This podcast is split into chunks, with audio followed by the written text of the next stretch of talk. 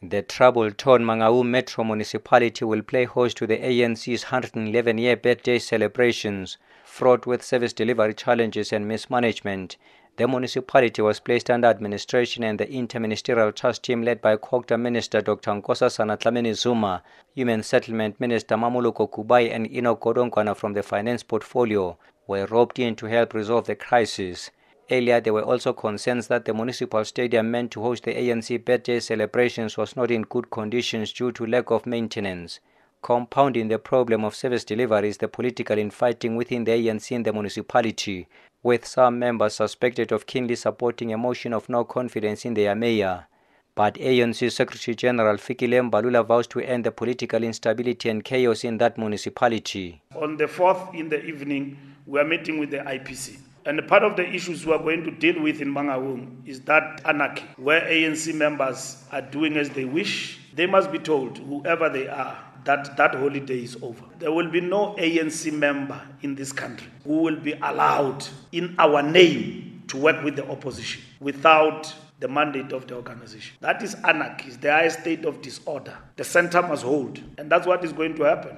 And despite the safety standard of the stadium being questioned, Mbalula says all has been resolved, insisting they couldn't allow people to go into a stadium that is not safe.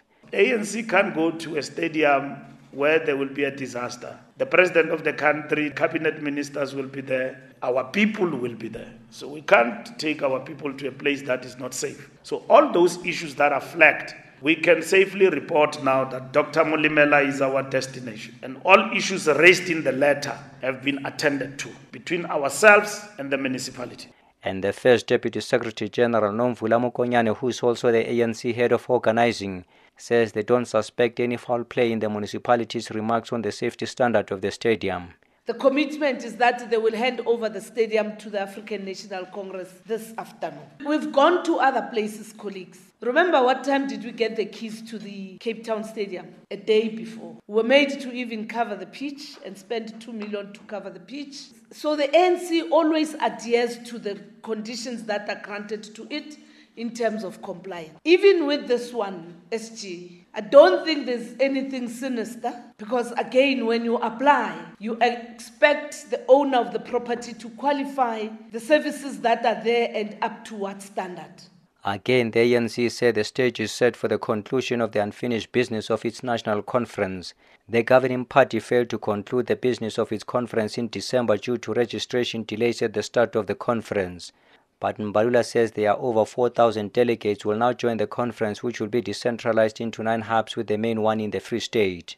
The national hub will be Imvelo Safari Lodge and Conference Center in Mangaung, Limpopo Bolivia Lodge in Polokwane, Eastern Cape East London Exhibition Center, Northern Cape Mitas Perepere Conference Center, Kimberley, Mpumalanga Steve Tshwete Banquet Hall in Middelburg, Western Cape Cresta Grand Conference Hotel, Strand Street, Cape Town, Gauteng Beachwood Hotel and Conference Center, Boxback, KZN Durban Exhibition Center at Tequini. Credentials remain unchanged, and delegates are therefore requested to bring along their tags, and they will be registered in the different venues across the country.